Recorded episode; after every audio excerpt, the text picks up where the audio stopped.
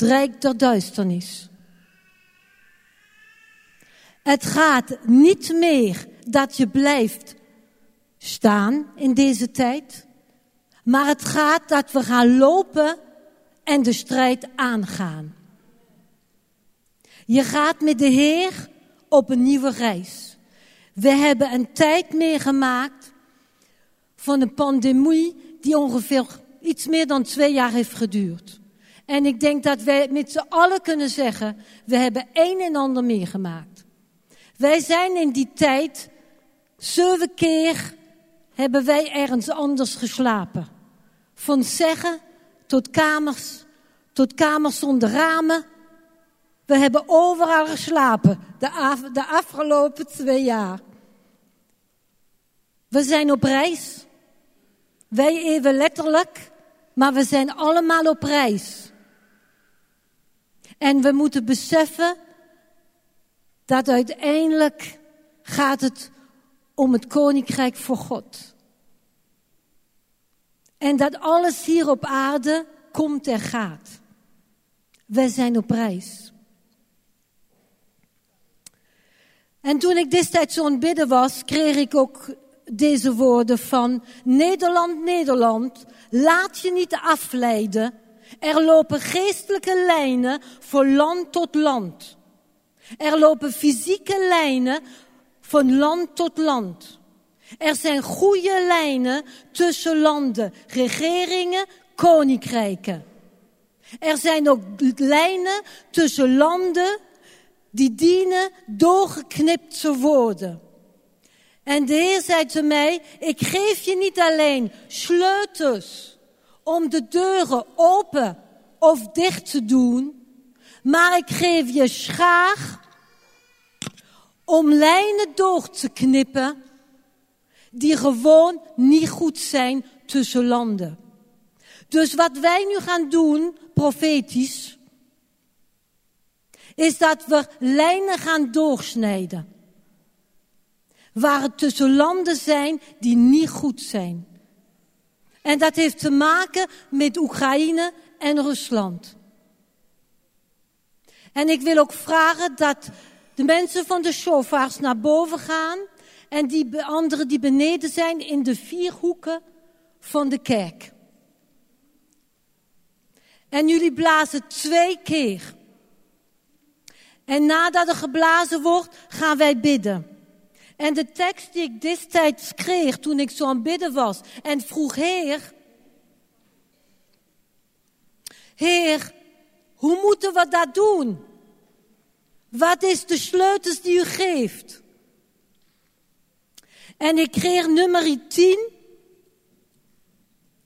En ik heb op het begin iets daarover gezegd over nummer 10 omdat de Heer gaf dus een opdracht aan Mozes voor twee trompetten te maken. En daarna gaf hij een opdracht hoe ze met deze instrumenten om moeten gaan. Omdat het ging niet alleen om dat de mensen bij elkaar komen, maar het ging ook erom dat iedereen weet wanneer de strijd aangaat, dat hij in positie gaat om daarvoor te gaan. En dan staat daar in vers 8. Het blazen op de trompetten is de taak van de Aarons nakomeling, de priesters. Deze bepaling blijft voor altijd van kracht. Voor alle komende generaties. Het is iets wat wij doen, maar wat al God aangesteld heeft. Als jullie, luister, als jullie in je eigen land, Oekraïne, Rusland, door vijanden worden belaagd en te strijden trekt. Blaas dan een alarmsignaal om de Heer, die jullie God, aan jullie te herinneren. Dan zal je van de vijand worden verlost. Hier staat dus dat God zegt, als er een vijand is in een land en de strijd moet je aangaan, Neem dan de shofar, de trompet. Neem het instrument en blaas erop. Omdat in de geestelijke wereld komt de roering Daar gebeurt wat in de geestelijke wereld. Daar komt roering. Het raakt de Heer. En hij herinnert zich aan wat er gaande is. En het zal dan gebeuren zoals hij het zegt. En om begin van deze conferentie, ik was zoveel vannacht mee bezig, kreeg ik echt van, het is de moment om op te staan voor onze broeders en zusters in de Oekraïne en in Rusland. En voor hun te bidden. En echt het koninkrijk voor God te proclameren over deze gebieden. Dus ik wil jullie vragen om te gaan staan. En op mijn signaal gaat twee keer. En dan doen we een lange stoot, hè. Twee keer een lange stoot. Om echt aan te kondigen van Heer, wij komen nu op voor deze twee landen. En daarna gaan we een moment van gebed hebben. Weet je niet wat je moet bidden? Bid in tongen. Altijd het juiste. Bid in tongen. En laten we echt deze twee landen voor uw troon brengen omdat dat zijn broeders en zusters van ons, die in moeilijke situaties zijn. En die hebben onze gebed nodig, omdat gebed brengt de totale verandering. Ik was al een paar keer in de nacht wakker. Iedere keer moest ik bidden voor de president van Oekraïne. En gisteren hoorde ik vanuit het journaal vanuit Engeland. Al drie keer had hij aanvallen en kon die net zo dan voor vluchten.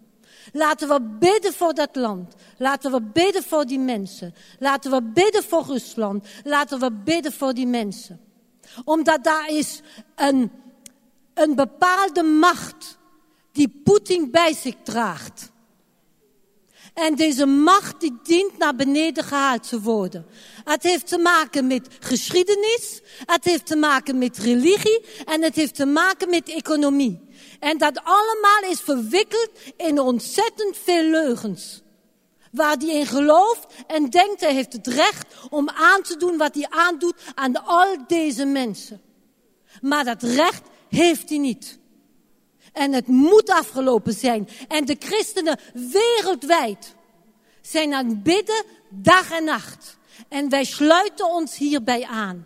Dus ik wil nu vragen aan de chauffeurs. Om te beginnen, nu.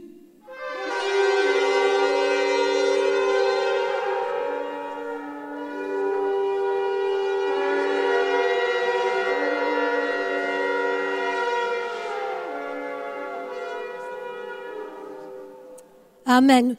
Vader in de hemel, wij komen voor u terug. Breng, bid in, bid, bid in tongen. Bid gewoon wat je op je hart hebt. En dan zal ik gewoon doorheen bidden.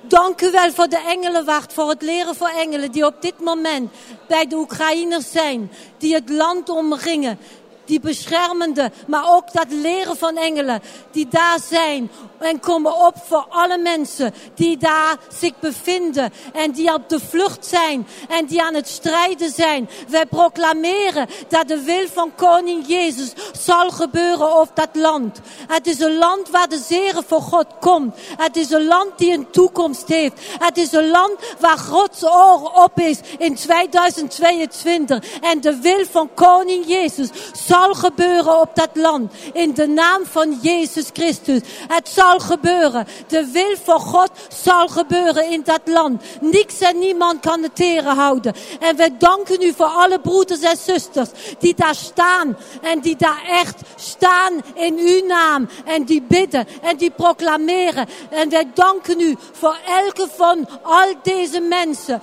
Dank u wel, Vader in de hemel, omdat u komt op. U komt op u komt op voor de Oekraïners. U komt op voor het land.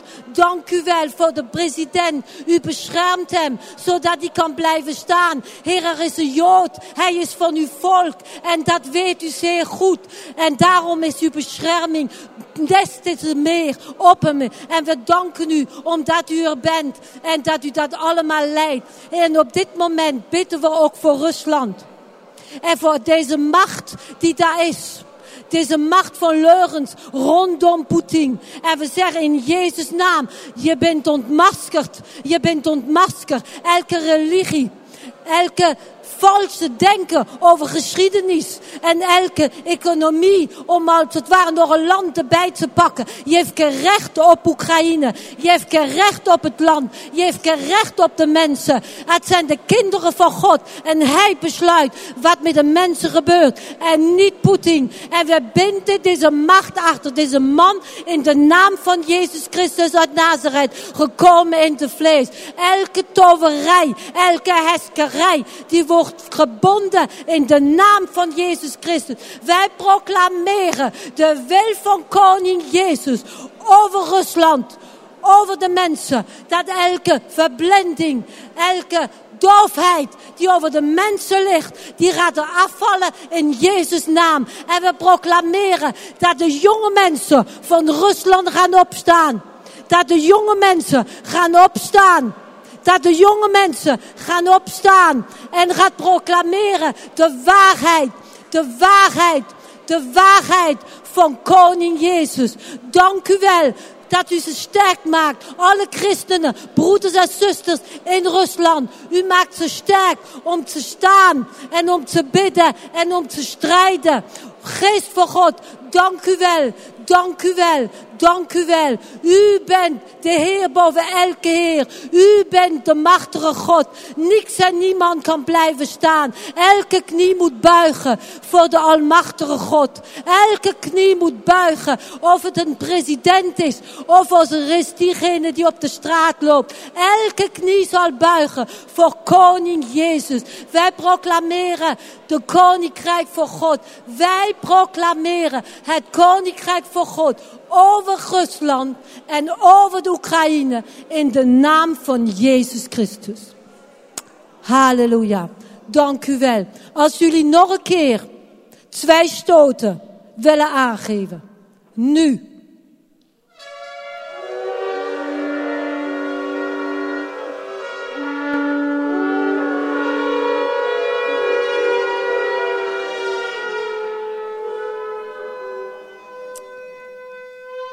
Halleluja, dank jullie wel.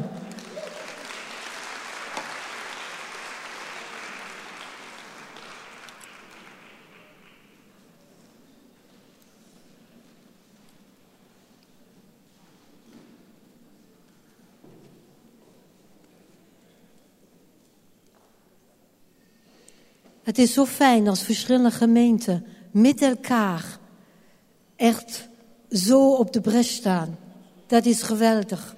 Dat is geweldig, dank jullie wel.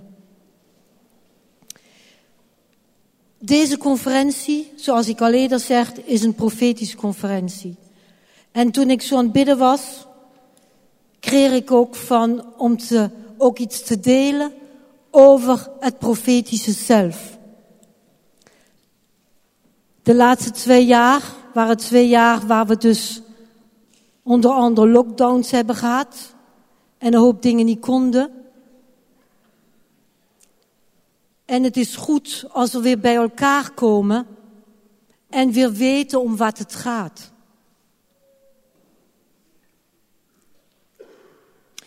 Ik wil deze middag een paar punten even neerzetten over het profetische.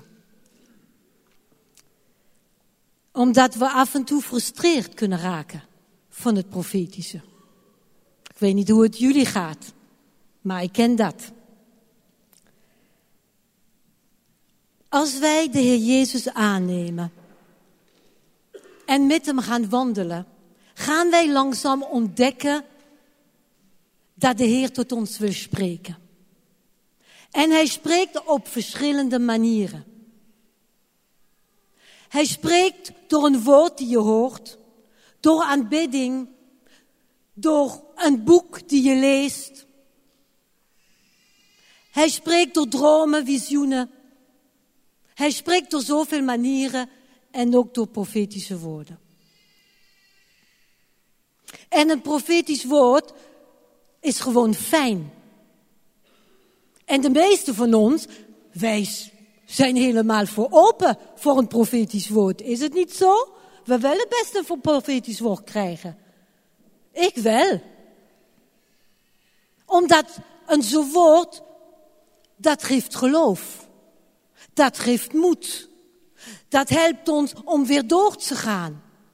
En dat spreekt ook van de liefde van de Vader voor jou. En als we dicht bij de Heer komen en wij openen ons voor Hem en vertellen Hem wat ons bezighoudt. Wij openen ons hart voor Hem. Dan gaat Hij zijn hart voor ons openen. En dat is heel mooi. Nu is het wel zo dat het soms vinden we ook lastig als we een woord krijgen. Dat vinden we niet altijd hip hip. Dat hebben we niet altijd. En dat komt omdat soms geef je een woord door en daar wordt op een bepaalde manier gereageerd waar je zoiets hebt, oh, oké, als het zo moet, dan weet ik niet of ik nog iets zeg. Of dan krijg je je woord en denkt, het zegt mij helemaal niks. Over wat heeft het over? Dus we kunnen soms zo gemengde gevoelens hebben als het gaat over profetie. En ik heb gemerkt dat er eindelijk drie, vier woorden ons kunnen helpen om hiermee om te gaan. En daar wil ik het graag met jullie over hebben.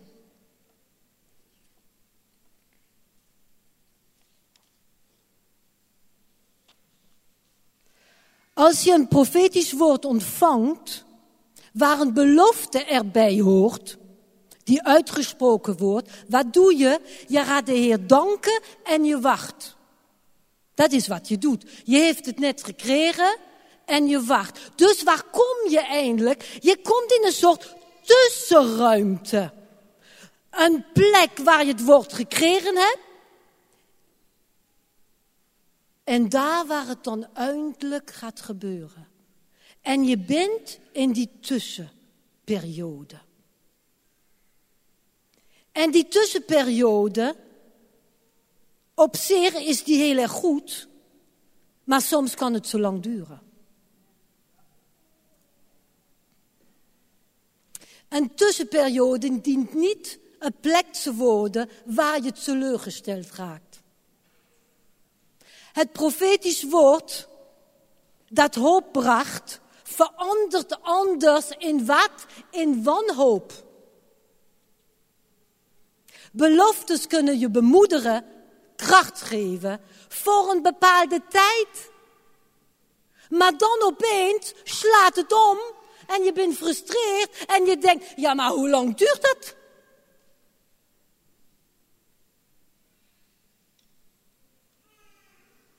En dan, wat wij doen, is dat we door ergens een schuldige zoeken. We gaan misschien niet zeggen, oh, een schuldige, maar wij denken toch ergens. Ja, ik heb daar een woord gekregen van die en die, maar ja, ik zie er niks van. De maanden gaan voorbij, het jaar gaat voorbij, ik zie er nog niks. Ja, dat ligt gewoon, die, die, die, die, die persoon heeft gewoon niets maar gezegd. Was dat nou echt van de Heer? Dat vraag ik me nu af. Of je geeft een woord door, laten we zeggen aan leiders van een gemeente, en je heeft de indruk, er gebeurt niks mee. Dat is jouw je heeft dat doorgegeven, maar je, je merkte niks, je hoorde niks. Je denkt, nou ja jongens, als dat woord nu niet iets meer gedaan wordt, dan moet je je niet afvragen waarom het zo en zo gaat. Wij zoeken door ergens een schuldige. Of we zeggen gewoon God, Heere God, ik begrijp het niet. Ik wacht er nu al zo lang op die antwoord dat het eindelijk gebeurt, dat woord dat uitgesproken is en het is er nog niet. Ik heb nu moeite om u te vertrouwen omdat ik zie het niet. Wij zoeken doch een schuldige. Maar er is een andere manier om om te gaan met teleurstellingen. Omdat teleurstellingen hebben het vermogen om je op het pad te zetten van uit te zoeken hoe komt dat? Dat het nog niet het woord is uitgekomen.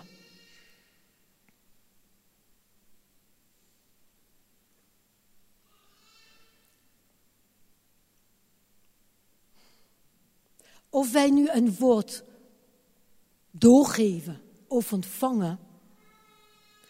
Het is belangrijk, denk ik, dat merkte ik aan mijzelf, dat we zo ongeveer drie, vier woorden in ons achterhoofd houden. En als we dan een woord krijgen of doorgeven, dat we daaraan denken. En dat is, een, een profetisch woord kan geleidelijk zijn. Het kan voorwaardelijk zijn. Of het kan gedeeltelijk zijn. En daar wil ik even een paar dingen over zeggen. Een profetisch woord, als het op de beamer.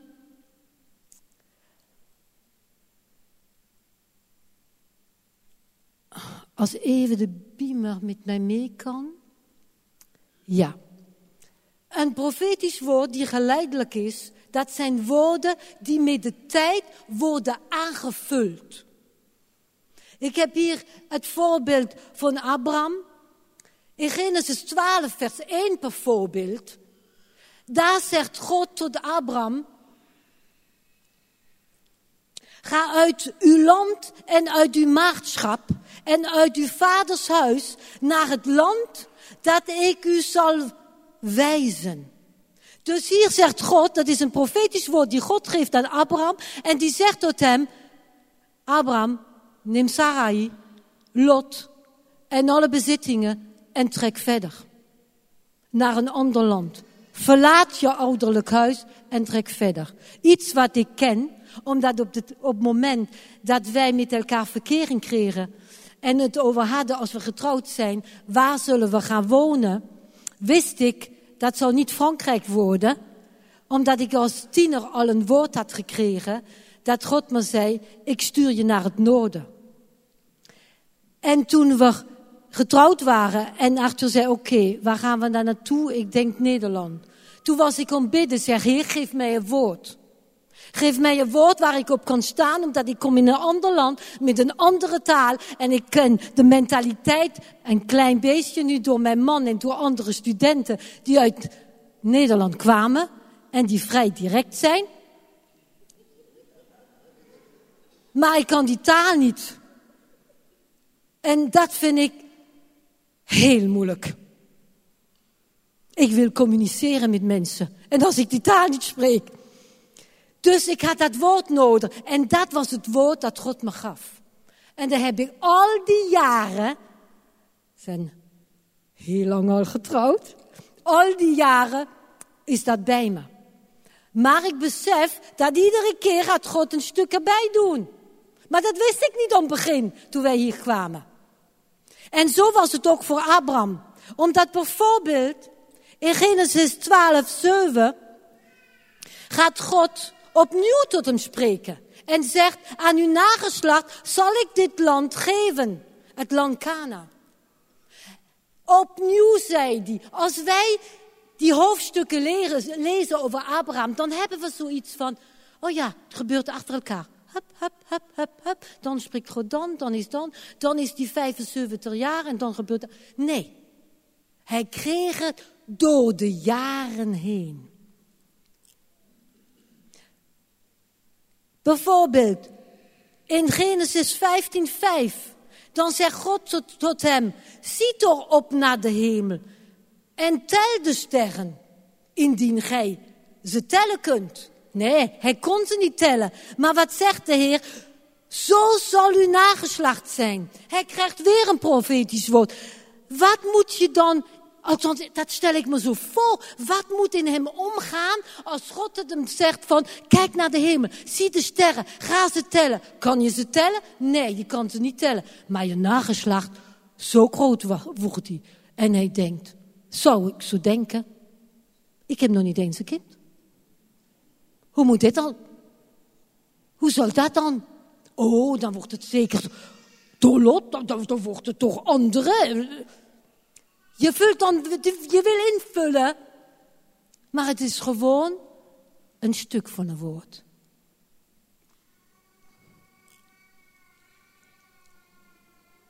Dat is iemand die meepreekt. In Genesis 17, vers 1, daar doet God een verbond maken met Abraham. En hij noemt hem vanaf dat moment Abraham, vader van menigte. Maar dan is hij 99 jaar. Daar zijn echt jaren overheen gegaan. Bijvoorbeeld in Genesis 17, daarom schrijf ik ze neer voor die die dat fijn vinden. Genesis 17, 15 tot 19, daar krijgen ze een woord en dat Sarah zwanger wordt. Zij is 99 jaar en hij is 100. Zou je maar gebeuren. Maar ze waren blij mee. Maar zo merk je dat iedere keer komt een stuk erbij. En wij hebben ergens een soort vooropgezet idee. En dat is, en dat zou ik ook leuk vinden. Dat toen ik de Heer leerde kennen met 15, dat hij mijn boek ging open doen en dan maar gaat zeggen, Corinne, zie je, dat is jouw leven. En dat zijn de dingen die ik voor je heb. Zie je ze allemaal goed? Met welke leeftijd? En dan zou ik zeggen, oké, dat weet ik dan. Ik ga mijn best doen om zo te leven. Dan zal ik een easygoing leven hebben. Een leven waar ik gewoon op de surfplank zomaar doorga. En ik heb een heel makkelijk leven. Een leven waar alles zo voorspoedig gaat. Maar dat is niet de plan voor God. Dat is niet de plan voor God voor mij en niet voor jullie. Omdat door ons leven heen zijn er bepaalde seizoenen. En in die seizoenen heeft God ook bepaalde opdrachten voor jullie. En om deze opdrachten te kunnen doen, dienen wij klaargemaakt worden. En dat gaat met ups en downs en ups en downs en ups en downs. Zo gaat het. En we worden gevormd. Dat is de manier hoe de Heer met ons gaat. Omdat hij zegt, ik wil dat je in geloof leeft. In geloof. En wij dienen het leven door geloof.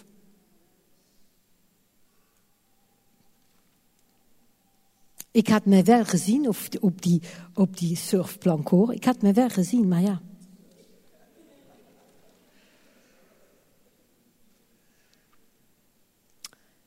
Een ander woord dat ik denk dat we goed dienen te onthouden. En dat is het woord onvoorwaardelijk, voorwaardelijk.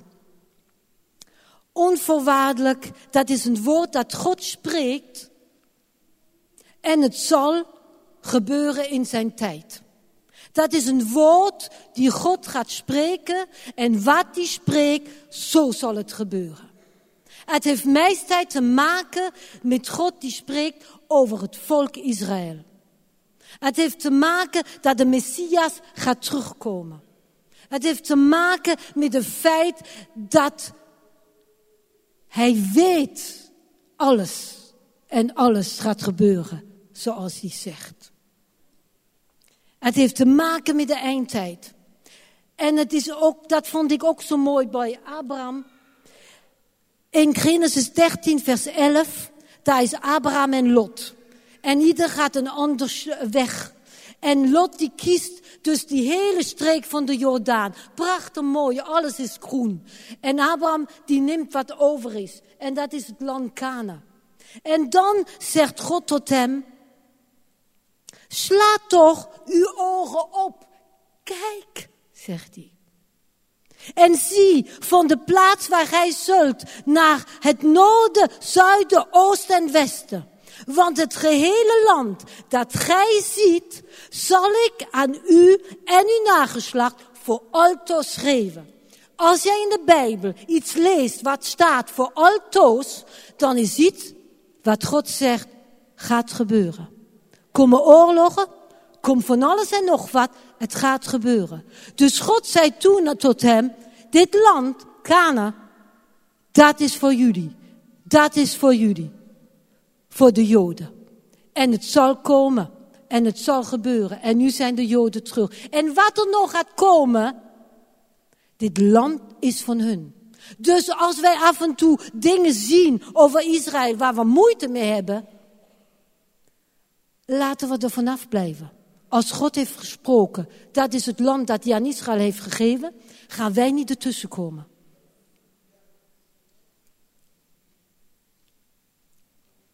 Voorwaardelijk. Dat is een woord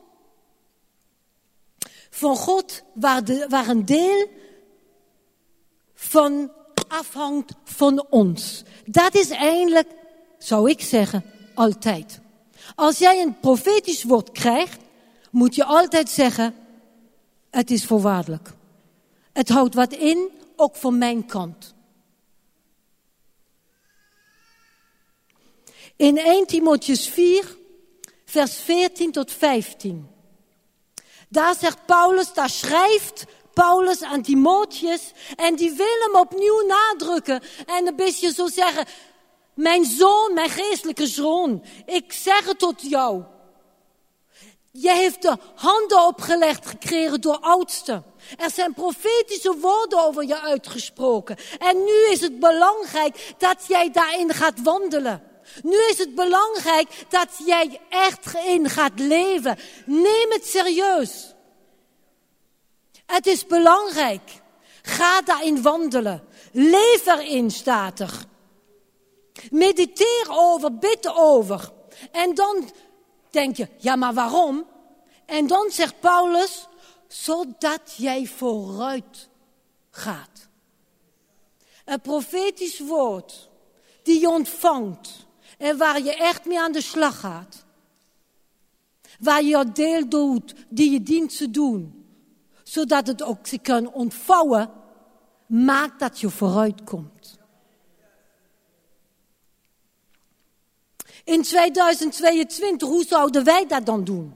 Nou, straks is er gelegenheid om naar voren te komen, wie wil. Dat daar wordt meer gebeden, een profetisch woord kan je ontvangen. Hoe doen we dat? Je komt met jouw mobiel en je neemt het op.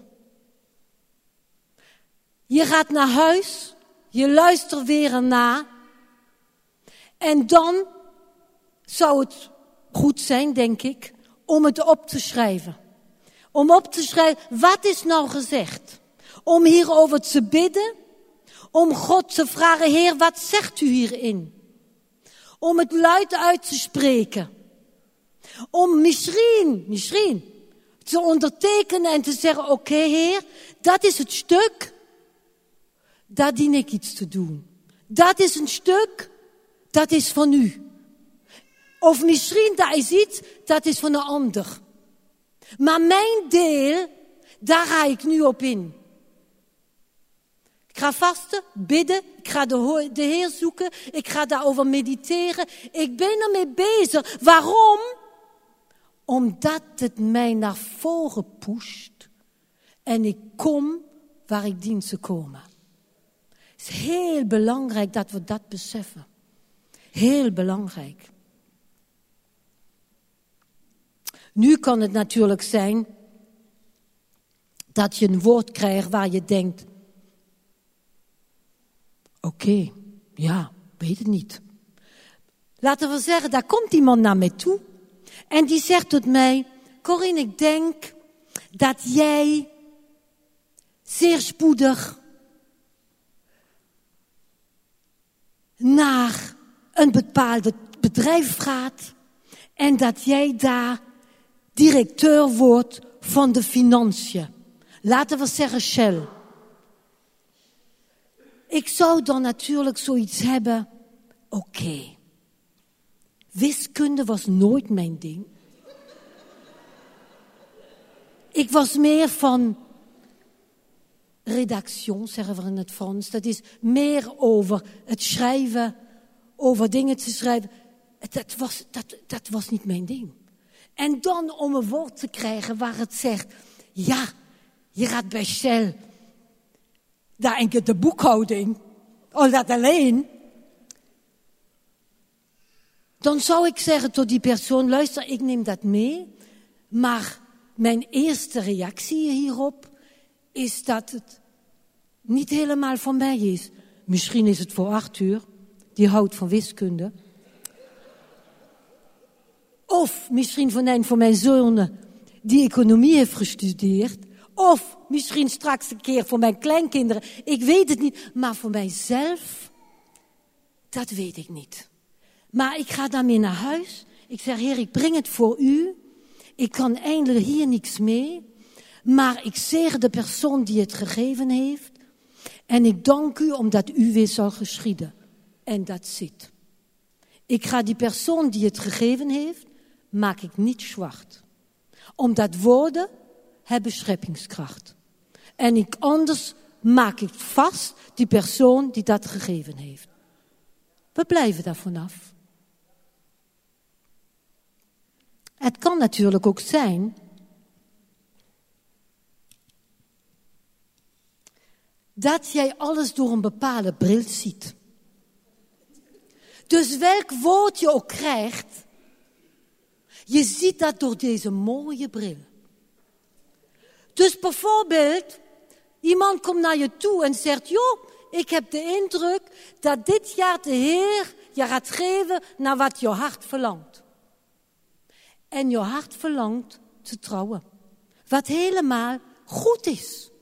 Maar elk woord die jij vanaf dat moment krijgt, is jouw bril op van, oh, het gaat over dat. Het gaat over niks anders, het kan alleen maar over dat gaan. Omdat je die bril op hebt. Dus alles wordt gefiltreerd door die, dit verlangen die je hebt om te trouwen. Maar wie zegt dat het hierover gaat? Dat is de grote vraag. Dus daarom zeg ik, ga dat mee thuis nemen. Ga daarover bidden. Ga daarover vasten. Bijzonder als het gaat om over trouwen. Dan zou ik behoorlijk gaan vasten. Laten we eerlijk zijn. Het is een kunst op zich getrouwd te zijn. En wij hebben het zeer goed. Maar we zijn zeer verschillend. En ga thuis daarover bidden. Iemand die je goed kent, gaat dat meedelen misschien. En zeggen, wil je hier meebidden? Omdat ik verlang uiteindelijk de dingen te zien met de ogen voor God. Met die ogen wil ik de dingen zien. En niet met mijn gevoelens en wat ik zo graag wil. Dat is zo belangrijk. Zo belangrijk. Even tussendoor. Ik had met verschillende al getrouwd kunnen zijn. En ik ben zo blij dat ik gewacht heb. Ik ben zo blij dat ik gewacht heb. Misschien ook dat ook niet erin het zal uithouden met mij. Dat kan natuurlijk ook hoor. Dat zeg ik niet hoor. Dat kan heel goed. Maar ik ben heel blij dat ik gewacht heb. Op diegene die de Heer voor me heeft. Een ander woord die belangrijk is als het gaat over een profetisch woord, is dat een woord ook gedeeltelijk kan zijn. En daar staat zo mooi, God deelt een deel van zijn oneindige kennis. God is zo groot. Zijn kennis is zo, zo immens. En hij deelt een stuk uit. En de rest houdt hij in zijn hart. Als het gaat over profetie kan je ook zeggen dat iemand krijgt een deel en een ander krijgt een ander deel. Jullie horen nu wat ik heb gekregen van de Heer. Straks horen jullie van Aline wat zij heeft gekregen. Iedereen krijgt een deel. En dat maakt een geheel.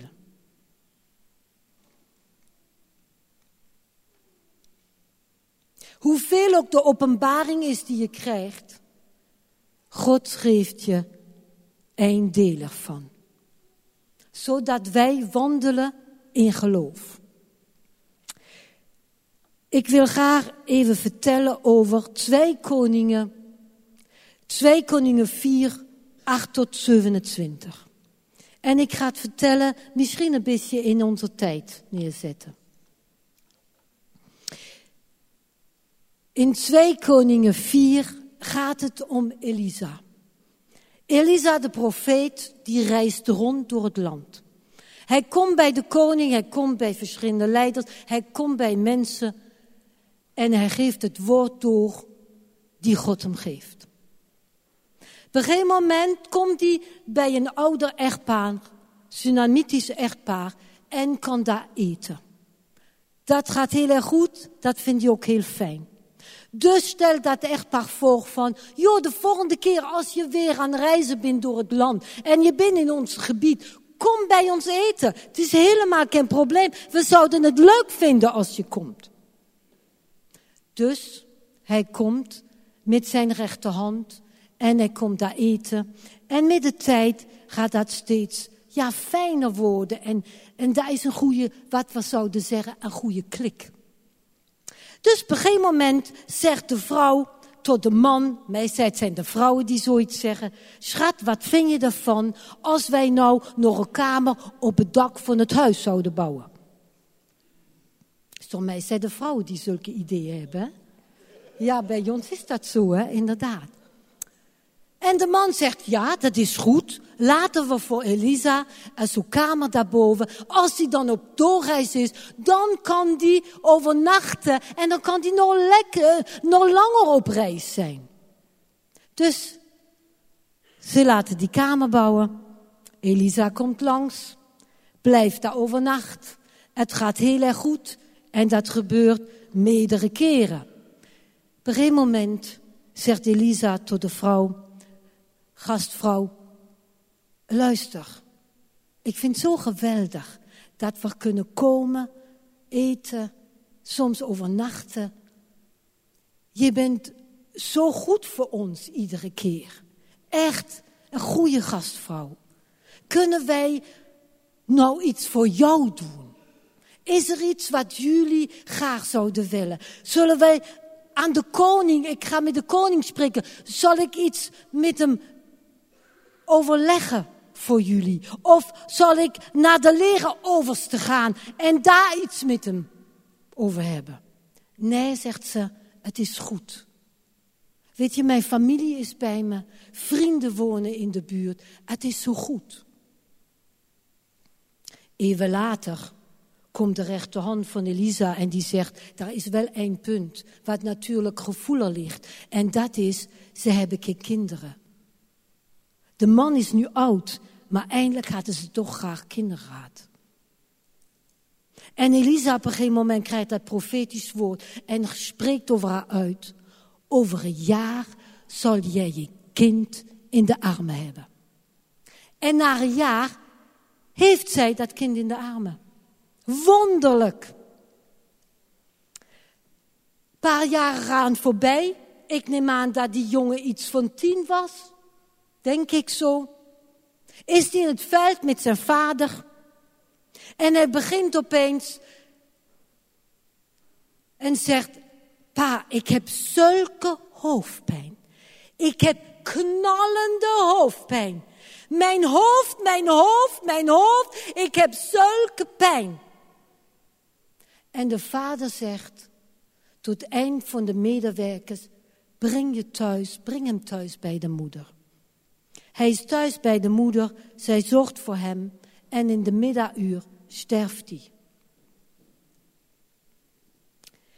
Zij is natuurlijk compleet van slag. En ze zegt aan een van die werkers, neem een ezel, we gaan nu gelijk naar de profeet Elisa. Omdat ik snap niet wat dat nou nu allemaal betekent. Dus ik kom bij Elisa en zegt zoiets tot hem van, Elisa, wat is dat nou? Mijn zoon is net overleden. Weet jij wat dat mij doet? Weet je hoeveel pijn ik heb? Weet je hoeveel verdriet ik heb? Weet je dat ik verscheurd ben van binnen? Weet jij überhaupt dat ik ontzettend pijn heeft? Dat is niks tegenover het feit dat er een moment was dat ik geen kind heb. Ik had liever geen kind gehad dan de pijn die ik nu heb. Waarom? Waarom doet God dat? Waarom laat hij dat toe? Waarom? Zeg mij nou, jij bent toch de profeet die aangesteld is in het land? Hoe kan dat dan? Waarom? Waarom, Elisa, heb jij me niet destijds al verteld wat er zou gebeuren? Waarom? Is het niet zo dat wij in ons leven dingen mee hebben gemaakt waar wij ook zeggen, waarom Heer? Waarom gebeurt dat mij? Waarom maak ik dat mee? Waarom is mijn kind overleden? Een kind dient niet te overlijden voor zijn ouders. Waarom is mijn vrouw overleden? Waarom is mijn man overleden? Waarom, Heer? En je krijgt geen antwoord. En wat het moeilijk maakt, is dat je daarin blijft hangen. Omdat je gewoon niet verder kan, omdat je steeds geen antwoord hebt. Misschien heb je zoiets van, waarom heb ik niet meegebeden en gevast, dan was het niet gebeurd. Alle soorten dingen die door ons hoofd gaan, waar we denken, ik had het anders moeten doen. Ik, ik, ik heb hier iets fout gedaan. Heer, wat is het? Waarom gebeurt dat mij?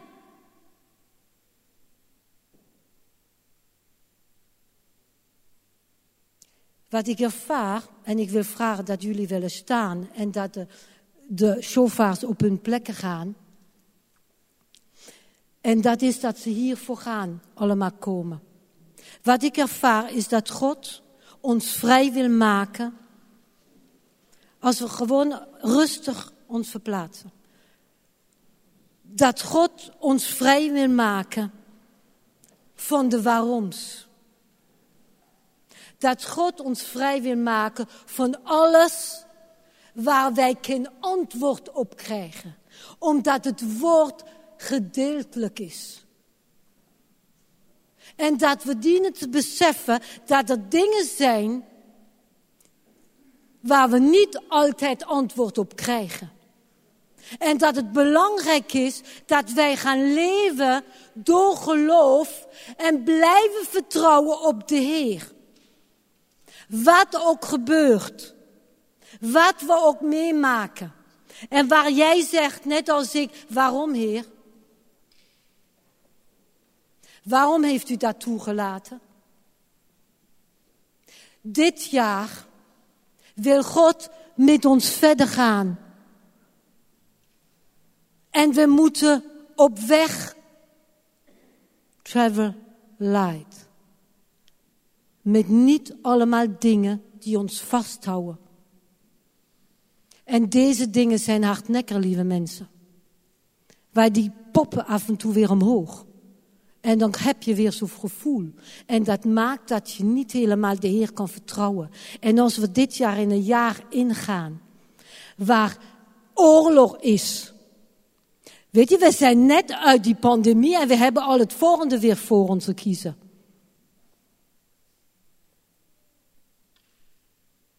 En de Heer verlangt dat we met hem meegaan. Dat we in zijn shalom blijven en met hem meegaan. En alles waar we waaroms hebben die we niet begrijpen, dat we die dingen bij Hem neerleggen. En het is nu een moment die God ons geeft. Als je uit de bank wil staan omdat je zoiets hebt, ik moet even ruimte hebben, doe dat. Wees vrij. En breng dat stuk waar je zegt, Heer, waarom gebeurt dat ons? Waarom gebeurt dat mijn familie? Waarom gebeurt dat mij? Dat je dat aan de Heer teruggeeft en zegt, Heer, hier is het. Ik wil dit jaar niet meenemen. Het is afgelopen. Ik heb hier geen antwoord op, maar ik laat het zo. Ik heb geen antwoord op, maar ik laat het zo. U bent almachtig, u weet alles. En ik geef het aan u terug. Dus ik vraag nu de chauffeurs om twee keer te blazen. En daarna gaan we met elkaar te bidden. Bid luid hoor, bid luid. En spreek uit wat van binnen vastzit. En spreek het uit en geef het aan de Heer. Oké, ja, nu.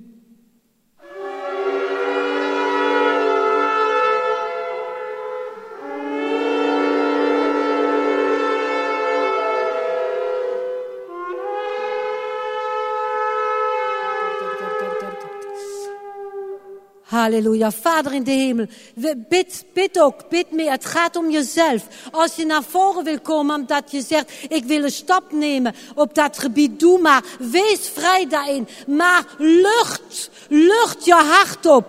Geef het aan hem, die waaroms die je niet begrijpt. De waaroms die je echt, die, die echt daar in je hart zijn.